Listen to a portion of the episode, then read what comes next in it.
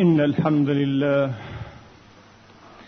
نحمده ونستعينه ونستغفره ونعوذ بالله من شرور أنفسنا وسيئات أعمالنا من يهده الله فلا مضل له ومن يضلل فلا هادي له وأشهد أن لا إله إلا الله وحده لا شريك له وأشهد أن سيدنا ونبينا وحبيبنا محمدا عبد الله ورسوله صلى الله تعالى عليه وعلى آله الطيبين الطاهرين وصحابته المباركين المجاهدين وأتباعهم بإحسان إلى يوم الدين وسلم تسليما كثيرا. عباد الله أوصيكم ونفسي الخاطئة بتقوى الله العظيم ولزوم طاعته. كما أحذركم وأحذر نفسي من عصيانه ومخالفة أمره. لقوله سبحانه وتعالى من عمل صالحا فلنفسه ومن أساء فعليها وما ربك بظلام للعبيد. أما بعد أيها الإخوة المسلمون الأحباب يقول الله سبحانه وتعالى في كتابه العزيز بعد أن أعوذ بالله من الشيطان الرجيم. بسم الله الرحمن الرحيم. يا أيها الذين آمنوا لا تتخذوا اليهود والنصارى أولياء. بعضهم أولياء بعض. ومن يتولهم منكم فإنه منهم. إن الله لا يهدي القوم الظالمين فترى الذين في قلوبهم مرض يسارعون فيهم يقولون نخشى أن تصيبنا دائرة فعسى الله أن يأتي بالفتح أو أمر من عنده فيصبحوا أو أمر من عنده فيصبحوا على ما أسروا في أنفسهم نادمين. ويقول الذين آمنوا أهؤلاء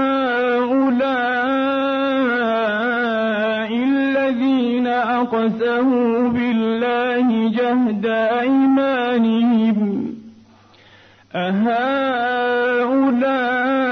أهؤلاء الذين أقسموا بالله جهد أيمانهم إنهم معكم حبطت أعمالهم فأصبحوا خاسرين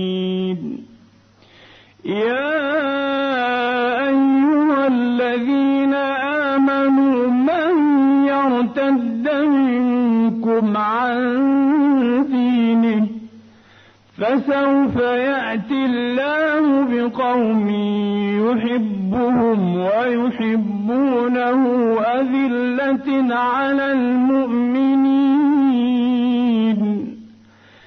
أذلة على المؤمنين أعزة على الكافرين. يجاهدون في سبيل الله ولا يخافون لومة لائم. ذلك فضل الله يؤتيه من يشاء. والله واسع عليم.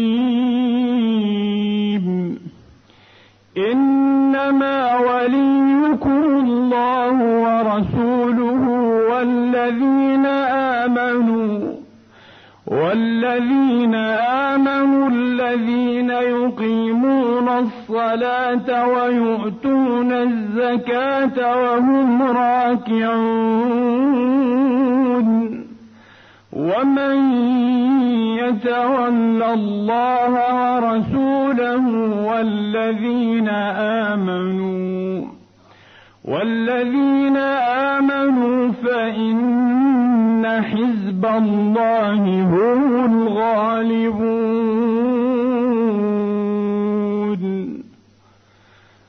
صدق الله العظيم وبلغ رسوله الكريم ونحن على ذلك من الشاهدين.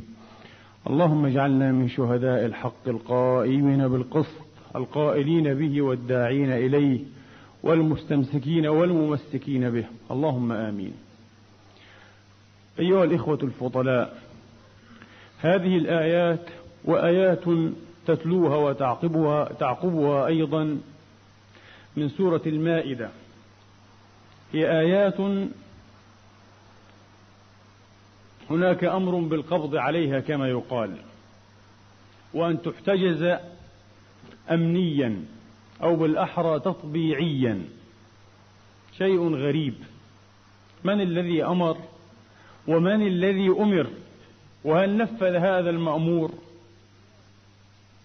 في سياق التطبيع؟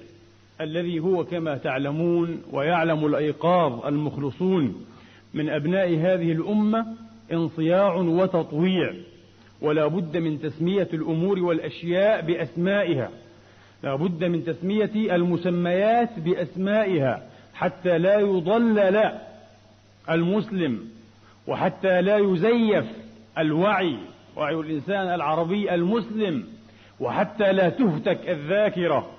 ولا تستباح في سياق التطبيع أو بالأحرى التطويع.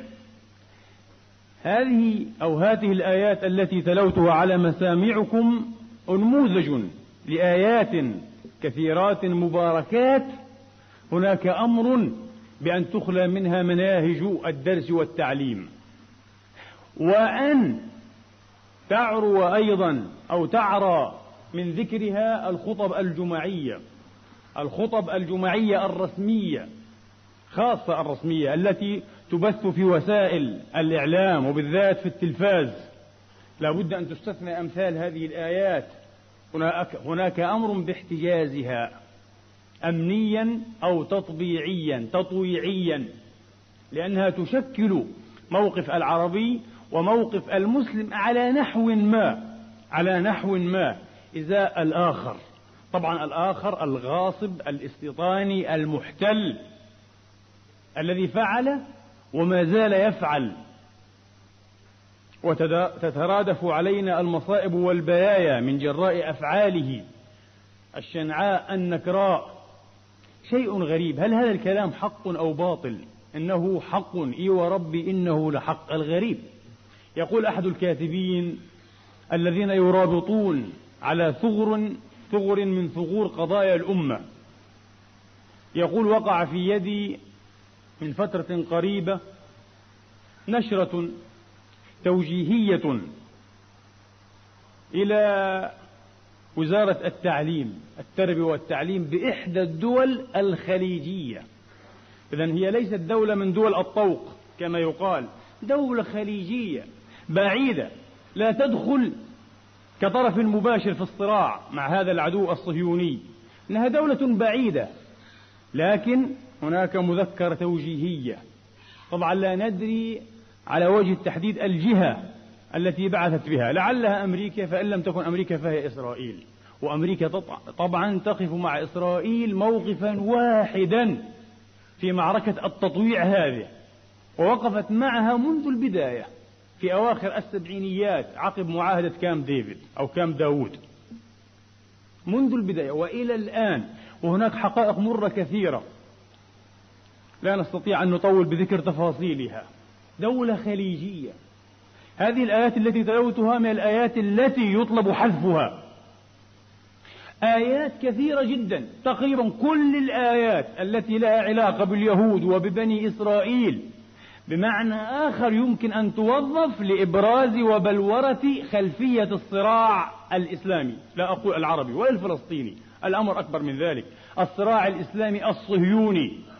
كل الآيات التي يمكن أن توظف لبلورة خلفية هذا الصراع مطلوب حذفها مطلوب احتجازها على المنابر وفي مناهج التعليم.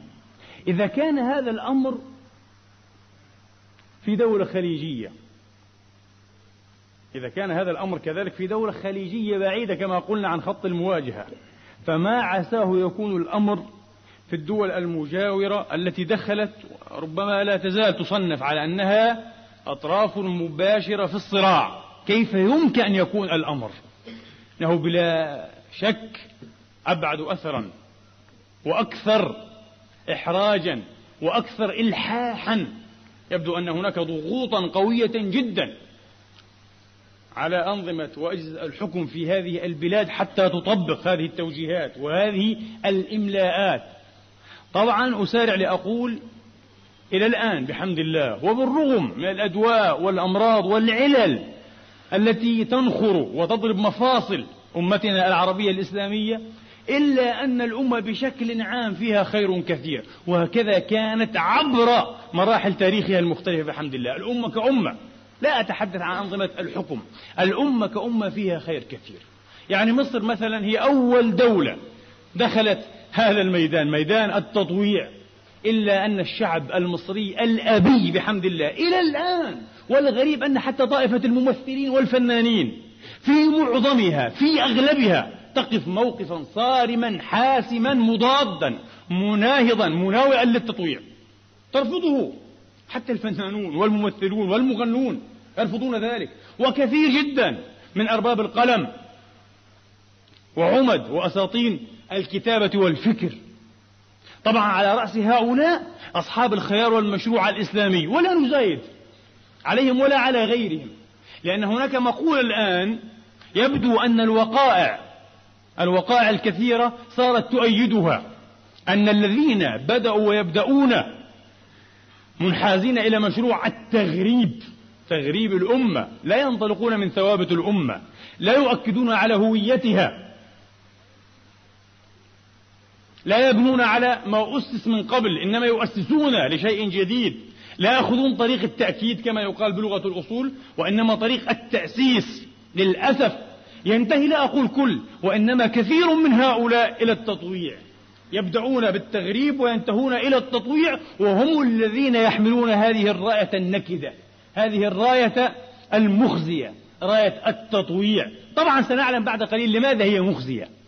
لماذا هي مخزية؟ ليس لأننا كما قلت في الخطبة السابقة دعاة حروب أو نريد أن نحارب الآخر. لا نريد أن نضع النقاط على الحروف. نريد ألا نستغفل وألا يزيف وعينا وألا تهتك ذاكرتنا. هذا الذي نريده. غريب جدا.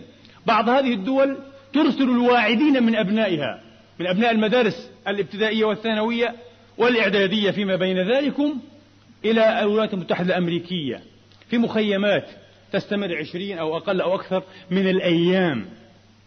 في المشروع أو تحت عنوان المشروع المعروف ببذور السلام يلتقي هؤلاء الواعدون والله وحده سبحانه أعلم ماذا يعد لهؤلاء من دور لكي يلعبوه غدا أو بعد غد أطفال واعدون من عباقرة أبنائنا. تتطوع بعض الدول للأسف. من الذي ضربها على أيديها حتى تتطوع؟ من الذي أرغمها على ذلك؟ بإرسال هؤلاء الواعدين في مشاريع بذور السلام. يلتقون بالذات بواعدين آخرين إسرائيليين من الدولة الصهيونية وبغيرهم. طبعا حيث تتم وتفصيل الموضوع طويل جدا أيضا. حيث تتم عملية مركزة ومبرمجة مدروسة ومحبوكة لغسيل الدماغ وتزييف الوعي لدى هؤلاء المساكين الواعدين. براعم براعم. واعدون بماذا إذن؟ سيكونون واعدين بماذا؟ بمزيد من الاستباحة لأمتهم بمزيد من التزييف وهتك الذاكرة في أمتهم. آه. المهم هذا مشروع بذور السلام. نعود إلى القضية نعود إلى القضية الرئيسة القضية الأهم. هل استجاب بعض هؤلاء المأمورين إلى هذه الأوامر؟ نعم فعلوا. نعم وحذفت آيات كثيرة من كتب منهجية لفصول دراسية مختلفة. حذفت حذفت أشياء كثيرة. في دول الطوق إسرائيل تلح على شيء أكثر أكثر من مجرد طلب حذف آيات وأحاديث. ودراسات عن خلفية الصراع التاريخية إنها تطالب أيضا بحذف كل ما يتعلق بالأجزاء الهامة الحساسة. حساسة لدينا وحساسة أيضا لديهم لديهم من تاريخنا. مثلا كالصليبيات. تاريخ حروب الفرنج كما يسميها مؤرخون أو الحروب الصليبية أو الصليبيات ينبغي أن تحذف. طبعا في إطار حذف الصليبيات لابد أن يحذف وبالحتم والتأكيد كل ما يتعلق بحطين وبصلاح الدين. وقد ذكر صلاح الدين طبعا باسمه وحطين باسمها مع تركيز شديد ودراسات مفصلة لمؤرخين وكتاب صحفيين يهود.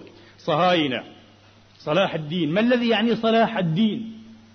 وهل ندرس حقا نحن الآن صلاح الدين كما ينبغي؟ هل نحيي ذكرى صلاح الدين كل عام؟ يا إخواني إن مقدار وعي الأمة في لحظة الأزمة أو في لحظات الأزمات يقاس بماذا؟ يقاس بمقدار دوام حضور القضايا الرئيسة والأخطر في وعيها. إذا كانت هذه القضايا دائمة الحضور في وعي الأمة فالأمة على وعي رفيع. إذن على وعي رفيع ومحترم. لكن بمقدار ما تغيب هذه القضايا الرئيسة والأخطر ليحل مكانها ومحلها قضايا فرعية صغيرة تافهة تحترب الأمة عليها وتتناحر وتتقسم وتتحزب. من أجل قضايا تافهة لا تقدم بل تؤخر. لا ينبغي دائما أن تكون أمامنا القضايا الرئيسة القضايا الأكبر والأخطر وأن تكون دائمة الحضور وأن نعطيها الأولوية أن نعطيها الأولوية. طبعا المطوعون والصهاينة أيضا من جهتهم لا يريدون لهذه القضايا الأخطر أن تظل حاضرة. مشروع بذور السلام وكل مراحل وآليات التطويع تريد لنا وتريد منا أن ننسى وأن نتناسى. مع أن مسلسل الآلام ومسلسل العذابات ما زال مرتفع الوتيرة. مسلسل التهديد تهديد الوجود العربي والإسلامي ما زال أيضا مرتفع الوتيرة. لما فرط عقد النظام الاشتراكي ممثلا بالاتحاد السوفيتي مباشرة وتذكرون كلمة شيمون بوليز في واشنطن قامت إسرائيل ونهضت لتعلن نفسها على أنها قاعدة متقدمة للحضارة الغربية في مواجهة العالم الإسلامي كله والأصوليات الإسلامية المتطرفة. يراد منا ويراد لنا أن ننسى وأن نتناسى مع أن المسلسل ما زال مستمرا مرتفع الوتيرة. لماذا ننسى؟ لماذا يطلب ويراد منا ولنا أن ننسى؟ والآخر يتشبث بذكريات تنحدر إلى ماض عتيق سحيق إلى أكثر من ألفي سنة. الآخر كما قلنا يزور التاريخ والجغرافيا والأرض ويرسم خرائطه مبدلا جغرافية البلدات والمدن الصغيرة والكبيرة وواضعا عليها أسماء توراتية. هذا ليس مبالغة هذا الواقع للأسف الشديد. أسماء توراتية. تنتمي إلى العهد القديم.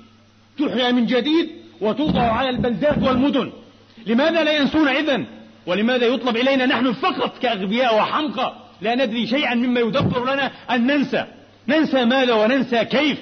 ومقابل ماذا كما يقال؟ وبأي ثمن ننسى؟ شيء غريب جدا. ينبغي ألا ننسى. لأنهم أيضا لا ينسون. وكل من ينسى أو يدعو النسيان هو متخاذل أو خائن. لا أقل من هذا الوصف لأن المرحلة حرجة ولا تحتمل اللعب على وعي الأمة وتزييف وعي الأمة كما يفعل كثير. يعجبني في هذا السياق ما يطالب به كثير من مثقفين العرب مسلمين وغير مسلمين أو إسلاميين وغير إسلاميين من الوطنيين الشرفاء أيضا وبعضهم علماني يطالبون بأن ترفع للأمة لائحة بكل أسماء المطوعين حتى تهتك سرائرهم وتفضح أسرارهم وينكشف الملعوب كما يقال. ينبغي الأمة أن تكون واعية وأن تعرف وأن تتزايل مواقف أبنائها. هذا يعمل مع من ولصالح من؟ وهذا يعمل مع من ولصالح من أيضا؟ لابد أن ترفع هذه اللائحة للأمة والأمة بعد ذلك تحكم. لا يحكم في هذه القضية إلا الأمة. كطرف وهؤلاء لا ندري المدسوسون أو المغيبون أو الغائبون طرف آخر لكنه هامشي وضئيل بحمد الله تبارك وتعالى. يا إخواني هذا فصل يخدم ما يعرف بحرب المعلومات بل حرب المعلومات تخدم هذا الفصل من البرنامج الطويل الخبيث. جون دويتش رئيس وكالة الاستخبارات المركزية الأمريكية. يكتب مقالة أو دراسة في الستة وتسعين يتحدث فيها عن حرب المعلومات. شارحا لنا ما هي حرب المعلومات. يقول حرب المعلومات التي تصب في الأخير في النهاية تصب بتحقيق هدف أو قصد كبير واحد وهو تطويع وتغيير إرادة الآخر بتغيير تصوره للواقع بالمعلومات. ألعب على وعيك ألعب على عقليتك بحيث يتغير تصورك تعاطيك مع حقائق الواقع. على نحو يريده عدوك وخصمك لك. على النحو الذي يريد هو. إذا هي حرب لا تطلق فيها رصاصة واحدة ولا تتحرك فيها دبابة. ولذا يقول دويتش يقول إن قادة المستقبل لن يكونوا من نوع الجنرالات العسكريين. وجيوش المستقبل لن تكون كتلا بشرية معبأة ومسلحة. كلا. قادة المستقبل سيكونون رجالات الاستخبارات والاتصالات ونظم المعلومات والكمبيوتر. هؤلاء قادة المستقبل. وفي كراس تعليمي تعريفي صادر عن وزارة الدفاع الأمريكية يحدد هذا الكراس التعليمي نوعين من أسلحة حرب المعلومات. الأسلحة التي تستخدم في حرب المعلومات. سلاح يدعى بسلاح القتل الناعم. وسلاح آخر يدعى بسلاح القتل الصارم. القتل الناعم الآن يمارس كثيرا في حق أمتنا. للأسف. القتل الناعم ماذا؟ توظيف معلومات قد تكون صحيحة. لماذا؟ توظيفه لصالح ماذا؟ توظيف معلومات قد تكون صحيحة وقد تكون مفبركة زائفة. وهذه المعلومات قد تكون معلومات محكية مقولة وقد تكون صورا. معلومات مرسومة أو معلومات مصورة أيضا حقيقية أو مفبركة. لماذا؟ لتدمير الآخر وسحقه نفسيا ومعنويا النموذج القريب جدا في أذهان الجميع للقتل الناعم هو ما حدث في حرب الخليج الثاني كما تسمى عند تحرير الكويت حيث رأينا صورا متحركة تلفازية صورا حية كما يقال للجندي العراقي وهو يخر على قدم الجندي الأمريكي يقبل حذاء الجندي الأمريكي هذا قتل ناعم. سحق لنفسية العربي سحق لكل إرادة للمقاومة. سحق لكل إرادة لقول لا. ولا من عزائم الأمور. ولا من عزائم الأمور. ويعدها كثيرون من السلبية. وهي من أحسن عزائم الأمور. هذا من القتل الناعم. ما القتل الناعم تسريب مصطلحات. ولنا خطبة قريبة عن هذا الموضوع. تسريب مصطلحات بحيث نتعاطى معها ونفهمها. ونلبس ونلبسها ونلبسها عفوا. نلبسها دلالات وفق ما يراد لنا. لا وفق ما يعطيه حتى معجم اللغة أو ما تعطيه الوقائع الحية المعيشة. لا وفق ما يراد لنا. وصولية إرهاب سلام أعداء السلام إلى آخره. ألا تلاحظون أنه في الوقت المتأخر في الآونة الأخيرة قد انسحب مصطلح العدالة. وقد كان كثير التردد في المحافل الدولية, الدولية والمحلية. مصطلح العدالة وأيضا مثله ورديفه مصطلح السلام العادل. أليس كذلك؟ الآن انسحب هذا المصطلح. لا نكاد نسمع لمسؤولين سياسيين أو في الخطاب الثقافي حتى خطاب الثقافيين. لا نكاد نقرأ ونسمع بمصطلح السلام العادل. لأن السلام العادل مفترض فيه أن يحقق العدل كما يرونه أيضا للطرفين كليهما على حد سواء لكي يكون عادلا فيما زعموا. ولكن لا الآن فقط فقط يسرب مصطلح ماذا؟ السلام. والكل بالبلاء يتحدث عن السلام. ومن يقف مع السلام؟ ومن يقف ضد السلام. لماذا؟ لماذا السلام فقط؟ نعم إنه سلام حقيقة. لكن تدرون سلام من؟ سلام الآخر. إنه سلام العدو فقط ليس سلام الطرفين. لذا ارتؤي ألا يتحدث الآن عن سلام عادل فقط عن سلام. كيف تنطلي هذه الخدع على المثقف العربي والمسلم؟ تنطلي فيما نظن ونحسب لأجل سبب واحد. لأجل سبب واحد وهو أن خطاب الثقافي يتبع ويجري في نهج خطاب السياسي. خطاب السياسي في بلداننا هو الخطاب المرجعي كما يقال. الكل لابد أن يرجع إليه وأن يستمد منه وأن يتنور به. خطاب السياسي بلغة علم القراءة. هناك علم يسمى علم القراءة الآن. حتى نقرأ جيدا لا نقرأ الحروف والإعراب. نقرأ ما وراء الحروف وما وراء الدلالات القريبة. نقرأ قراءة فهم نقرأ اللغات والمفردات الفكرية لا المفردات اللغوية. في علم القراءة هناك ما يسمى بخطاب الخطابات. خطاب السياسي هو خطاب الخطابات الخطاب المهيمن على كل صنوف الخطابات خطاب السياسي. المثقف المسكين كما قلنا قبل ذلك الذي لا يستطيع إلا أن يخرج من عباءة السياسي عباءة السلطان مباشرة قد دج دج بحالة وبشكل معين بحيث أنه يعيد تأويل ويعيد قراءة الواقع والأحداث الراهنة على نحو ما حتى يتبع خطابه وتأويله خطاب السياسي. فخطاب المثقف كما قال بعضهم وهو صادق كل صدق فيما قال هو خطاب السياسي وقد أعيد تأويله ثقافيا لكنه لم يخرج عن تأويل ثقافي فقط لخطاب السياسي أو هو خطاب الثقافي مقموعا.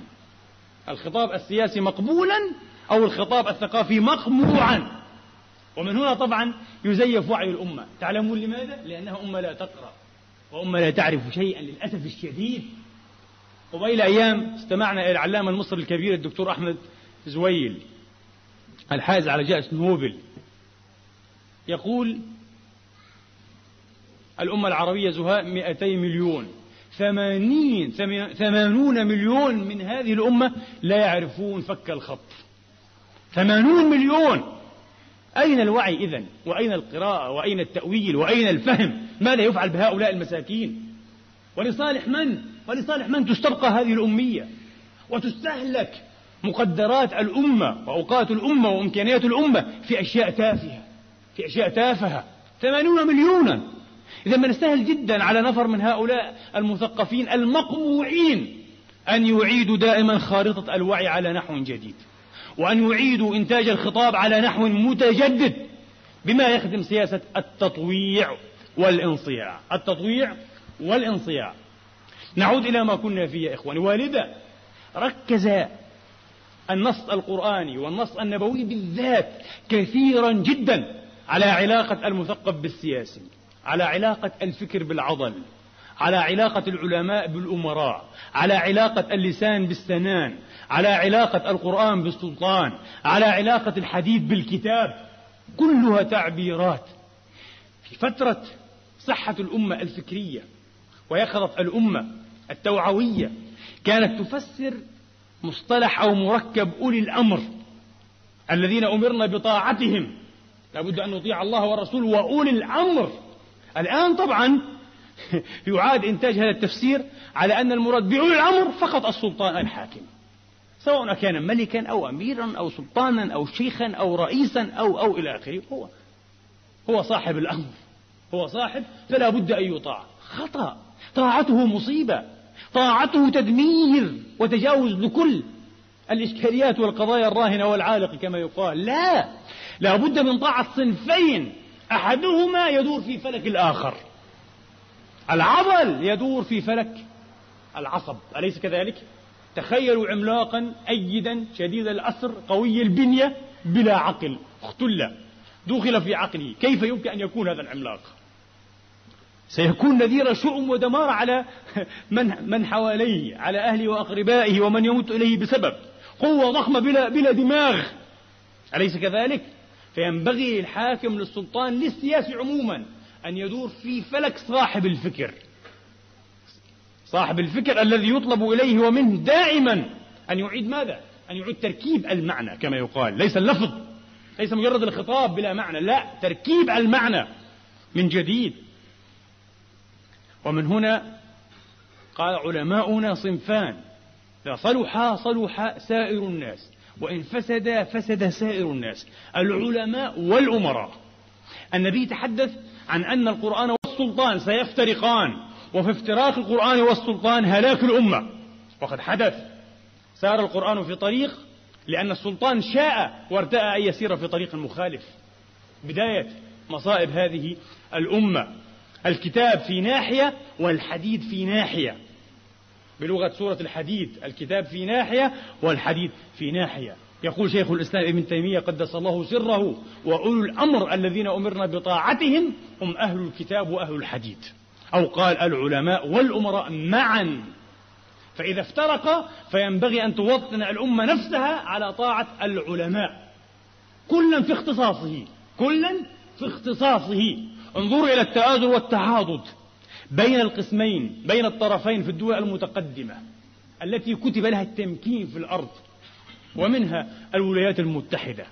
في الولايات المتحدة يا إخواني تسعة آلاف الأساتيذ تسعة آلاف. تبحث في شؤون الاقتصاد والاستراتيجية والعسكرية والتربية والثقافة والاجتماع. وشؤون الأقليات العرقية والدينية والعلاقات الدولية والدول الأخرى التي لأمريكا مصالح فيها وعندها. إلى آخره إلى آخره. تسعة آلاف. في دولة عظيمة من الدول العربية الإسلامية يوجد فقط مركز بحثي واحد للشؤون السياسية والاستراتيجية. مركز واحد. دولة تعد ربع أمريكا. مركز. وهناك تسعة آلاف. انظروا. ولذا السياسة هناك دائما ينطلق دائما تحدوه رؤية علمية واضحة مدروسة. لأنه تلميذ بين أيدي أصحاب الفكر والرؤية. جاء مرة المستشرق والمفكر الإسرائيلي الصهيوني جبرائيل بيير إلى مركز دراسات الشرق الأوسط بجامعة برينستون ليلقي محاضرة عن الأوقاف في الإسلام في الفقه والتاريخ الإسلامي.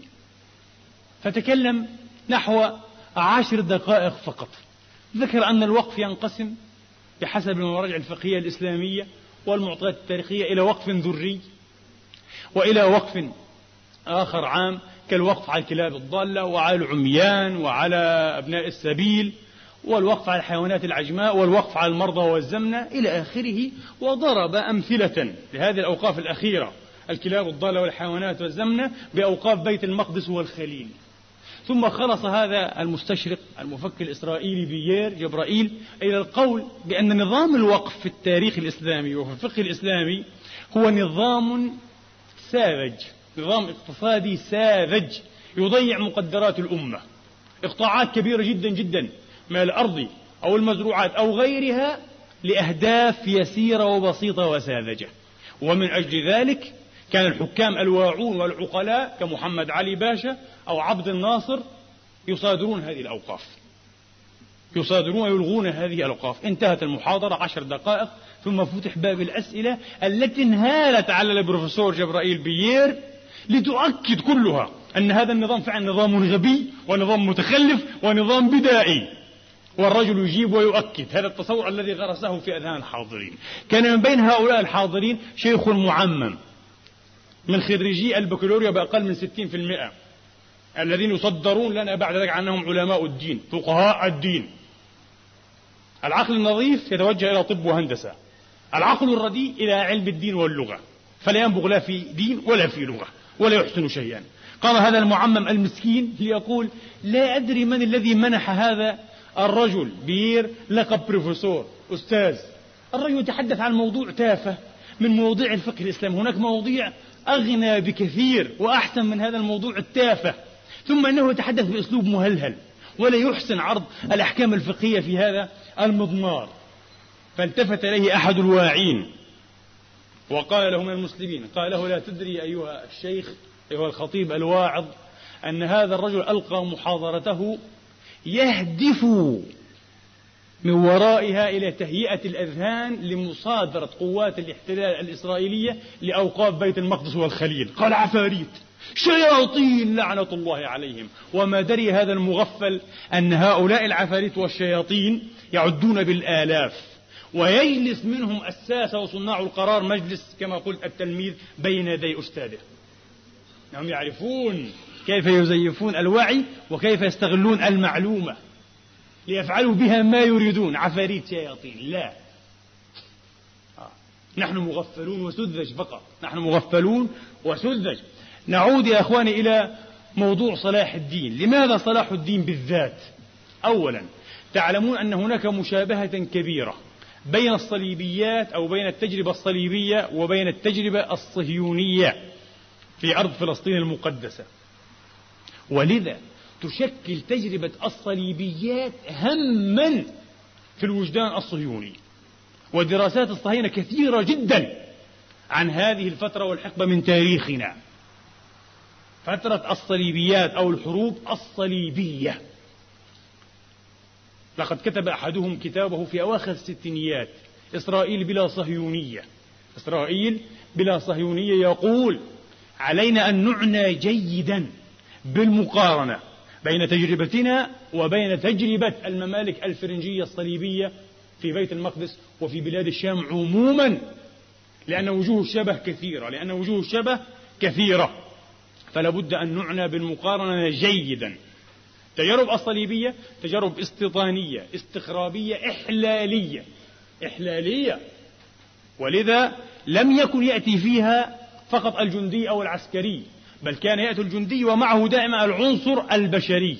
العنصر لتكوين جيوب جيوب وممالك فرنجية تدين بالولاء الكامل للأوطان الأم في الغرب الناهض في الغرب البكر. كذلك هي التجربة الصهيونية. يأتي العسكري بسلاحه ويأتي معه العنصر والمادة البشرية وما زالت تتوارد في ترانسفير أو الحياة الهجرة. الهجرة والهجرة المعاكسة طبعا. تهجير لأبناء الأرض آه وهجرة لهؤلاء المستوطنين المحتلين الغزاة الغاصبين. هذا وجه شبه. في كل التجارب الإحلالية الاستيطانية يعتمد المستخرب المستوطن على الدولة الأم على الوطن الأم. إذا هو مربوط معها بحبل سري وهو تعبير قرآني لكن من غير وصف بالسري إلا بحبل من الله وحبل من الناس. مربوط بحبل سري. لو قطع هذا الحبل يموت هذا الجنين. وهذه حال إسرائيل مع أمها. أو مع أمهاتها اللا شرعية. الفرنجة اعتمدوا على كل أوروبا وبالذات على فرنسا. إسرائيل اعتمدت على معظم دول الغرب الأوروبي الرأسمالي. في البداية على إنجلترا بعد ذلك بفترة قصيرة نسبيا على فرنسا منذ منتصف الستينيات وإلى الآن على الولايات المتحدة الأمريكية. نفس الشيء نفس التجربة نفس التجربة. في المشروع الفرنجي الصليبي برر لأفعاله. برر بديباجة دينية. طوعت رموزا دينية مسيحية لخدمة هذا المشروع وتسويقه. كذلك في المشروع الصهيوني نفس الديباجة الدينية طوعت رموزا يهودية توراتية لتبرير وتسويغ هذا الاحتلال وتهجير أربعة ملايين ونصف المليون فلسطيني والقيام بأكثر من ثلاثين مذبحة. كان ضحاياها من الفلسطينيين. أكثر من ثلاثين مذبحة.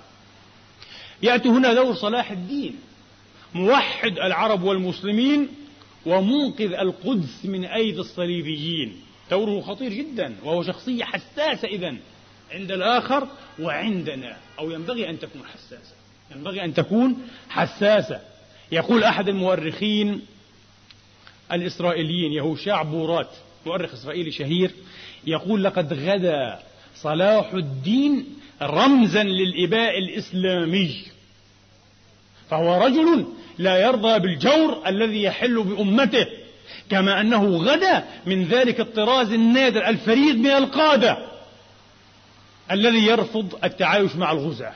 إذا هذا صلاح الدين في وجدان الإسرائيلي الصهيوني. هذا هو صلاح الدين. فهل هو كذلك في وجداننا وفي وجدانات أبنائنا هل ندرس أبنائنا سيرة صلاح الدين؟ يا إخواني عما قليل وعما قريب لن يسمع أبناؤنا وبناتنا الجيل الناشئ الواعد كما نظن. والبركة والأمل والطموح كله معقود بناصية هذا الجيل إن شاء الله تعالى. لن يسمع لا في التلفاز ولا في الخطب ربما ولا يقرأ أو لن يقرأ في مناهج الدرس وفي فصول الدراسة شيئا. عن آيات أو من آيات أو نصوص أو دراسات تاريخية وأبحاث علمية تعكس وتبلور الخلفية الحقيقية لهذا الصراع الهائل الرهيب. إذا ما هي وظيفتنا؟ وظيفتنا أن نعوض هذا النقص. حيث فر الآخرون ينبغي أن نكر نحن والكار بعد الفار له أجر عظيم جدا. وأما الفار في المعركة فإن ذنبه لا يغتفر كما قال عليه الصلاة وأفضل السلام. هذا تراجع لا يغفره الله ولا يغفره التاريخ ولا تغفره الأمة. علينا أن ندرس أبنائنا في البيوتات في المساجد في كل فرصة تسنح لنا وتتهيأ. أن ندرسهم الخلفية الحقيقية لهذا الصراع. ينبغي أن نعلي من شأن صلاح الدين ومن حقبة صلاح الدين وأن نعيد درسها وقراءتها تاريخيا بعين جديدة. لنرى ما هو الدور بالضبط وعلى التفصيل الذي اطلع به صلاح الدين حتى استطاع أن ينجز ما أنجز. حتى استطاع أن ينجز ما أنجز. مؤرخ ومفكر إسرائيلي آخر يقول قد كان يمكن أن نتغاضى. شتاوبيرك البروفيسور شتاوبيرك يقول قد كان يمكن أن نتغاضى إسرائيلي يمكن أن نتغاضى عن هذا التركيز العربي الملحوظ على حقبة الصليبيات وبالذات على حطين وشخصية صلاح الدين. يمكن أن نتغاضى عن تركيز العرب على أي هذه الأشياء. ولكن الربط اللاشعوري التلقائي الذي يحصل في ذهن العربي بين الاثنين يقصد بين الصليبيات وبين إيه؟ التجربة الصهيونية الاستيطانية الإحلالية التخريبية. هذا الربط يجعلنا لا نتساهل ولا نغفل هذا التركيز على هذه الأشياء. ثم يطالب شتاوبيرغ مع من يطالبون بوجوب الضغط على الأنظمة العربية في سياق التطبيع معها مع الدول المطبعة. ينبغي أن نضغط عليها حتى تلغي كل ما يتعلق بصلاح الدين من مناهج الدرس. إذا ما يعول عليه إخواني هنا وانتبهوا هو آليات إعلامية وتعليمية. آليات الإعلام وآليات التعليم هو أكثر ما يركز ويعول عليه. أن يلغى كل ما يتعلق بصلاح الدين وبحطين وألا يكتب اسم صلاح الدين على الشوارع والمدارس والمؤسسات الرسمية وغيرها. بحسم ينبغي ألا يكتب ينبغي أن تموت هذه الشخصية. إنهم يريدون انتزاع أجمل ما في تاريخنا. إنهم يريدون حتى إجهاض أحلامنا يا إخواني. فليحذر المثقفون وليحذر المتكلمون وليحذر الصادقون والدجالون من أن يتحولوا إلى خونة. الدجل شيء والخيانة شيء آخر. أن يتحولوا حتى إلى خونة بدل أن يكونوا معبرين عن ضمير الأمة مترجمين عن أحلامها أو مترجمين لأحلامها حارسين لقضاياها واقفين مرابطين على ثغور مصيرها يتحولوا إلى مجهضين لأحلامها والعياذ بالله مزيفين لوعيها هاتكين لذاكرتها. كلا. هذه هي الخيانة العظمى هذه الخيانة العظمى. وأما نثان فايبرر مؤرخ إسرائيلي ثالث. فايبرر يقول ملفتا النظر إلى بعد آخر في الشخصية الصلاحية. يقول إن صلاح الدين رمز فعلي متحقق تحقق في التاريخ. رمز فعلي متحقق لإمكان توحيد الأمة الإسلامية ليس العربية فقط. فصلاح الدين أولا كردي هو كردي وليس عربيا. وقد نجح في توحيد الأمة الإسلامية في هذا الجزء. من أرض الإسلام. ولذا يقول فايبرر يمكن أن يوحي درس صلاح الدين. درس صلاح الدين شخصيات صلاح الدين حقبة منجزات صلاح الدين. يمكن أن توحي بماذا؟ أن توحي بأمل بأمل ناشئ في صدور العرب مع ما نراه من تمزقهم وتشرذمهم بإمكانية أن يتوحدوا ثانية تحت قيادة دينية معادية للدولة اليهودية. قال هذا خطر خطر كبير جدا جدا. لا بد أن يلغى إذن كل ما يتعلق بصلاح الدين كل ما يتعلق بصلاح الدين. أترون إلى القوم يا إخواني كيف ينظرون وكيف يدرسون وكيف يرون حقا قيمة الفكرة وقيمة الكلمة التي أظن أننا ما زلنا كافرين بها. نحن نحسب أن الكلمة وأن الفكرة وأن القول وأن المقالة وأن الخطبة مجرد ترف. نقوله ونسمعه ثم نمضي. إنه لا يكاد يؤثر شيئا أنه يؤثر كثيرا جدا. وهل ينسى الناس أن الفاشيست حين أعدم رميا بالرصاص الشاعر العالمي الكبير الإسباني في ضواحي غرناطة فردريكو لوركا فردريكو غارسيا لوركا أعدمه رميا بالرصاص وقال لقد أحدث لوركا الذي مات وهو ابن 38 عاما. 38 عاما من أشهر أدباء وشعراء العالم. شاعر مناضل إنساني قال لقد أحدث هذا بقلمه من الخراب أكثر مما أحدث غيره خرابا بالسلاح. حتى هذا الفاشست كان يدرك قيمة الكلمة قيمة المقالة قيمة القولة قيمة الحرف. نون والقلم وما يسطرون. لوركا الذي كتب يقول وددت أن دمائي تسيل في الحقول لتلين قسوة التربة وينبت, وينبت الأريج. يا ليت يا إخواني ندرك أن هناك جهادا عظيما أمامنا. ليس جهادا بالدم وهو جهاد من أكرم الجهاد وليس جهادا بالسلاح إنه جهاد بالوعي. جهاد بالفكرة جهاد بالعمل على أن تبقى قضايانا الأخطر. والأهم الرئيسة حاضرة دائمة الحضور في وعي الأمة. أقول قولي هذا وأستغفر الله لي ولكم.